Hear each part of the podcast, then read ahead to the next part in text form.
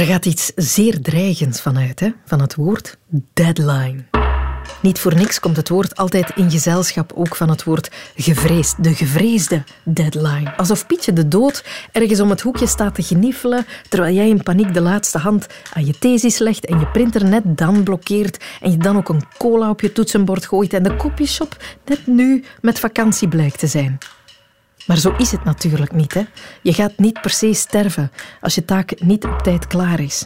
Waarom spreken we dan wel van een deadline? Waar komt dat woord vandaan? Ik ben Sophie Lemaire en dit is een snelle geschiedenis van de deadline. In oorsprong betekende de deadline wel degelijk je dood.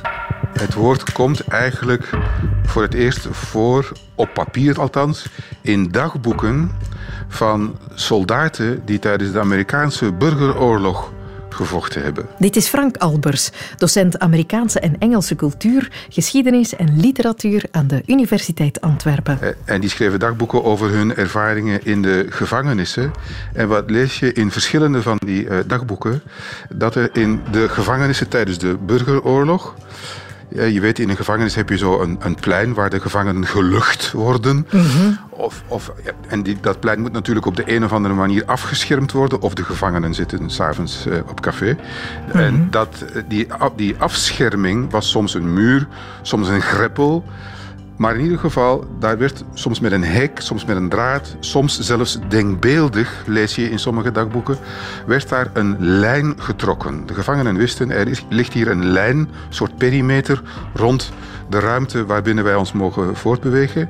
En als je die lijn overschreed, dan werd je zonder waarschuwing doodgeschoten.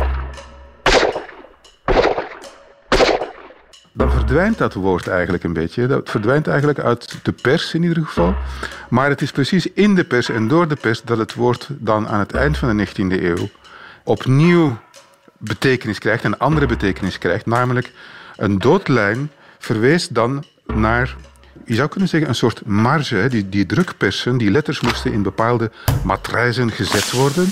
En er was maar een bepaald vlak natuurlijk van zo'n drukpersmatrijs die ingeïnkt werd. Mhm. Ehm, en, en die letters werden dus gedrukt. Dus je moest zorgen dat je letters binnen die mal, binnen die vorm, binnen die lijnen uh, gezet werden. Want stonden ze daar buiten, dan werden ze niet uh, ingeïnkt en werden die letters niet gedrukt. Een deadline duidde toen aan wat wel en wat niet op het papier zou terechtkomen en dus gelezen zou kunnen worden. En toen is er iets bijzonders met het woord gebeurd. Dat begrip deadline is toen van een ruimtelijk begrip overgegaan naar een tijdelijk begrip. Namelijk de doodlijn, de deadline, is het moment waarna jouw tekst niet meer kan gedrukt worden. Na dit uur sluit de krant, sluit de drukkerij, een betekenis die het nog steeds heeft vandaag. Na de deadline is je tekst te laat binnen, wordt die niet meer gedrukt ehm, en staat die dus niet meer in de krant.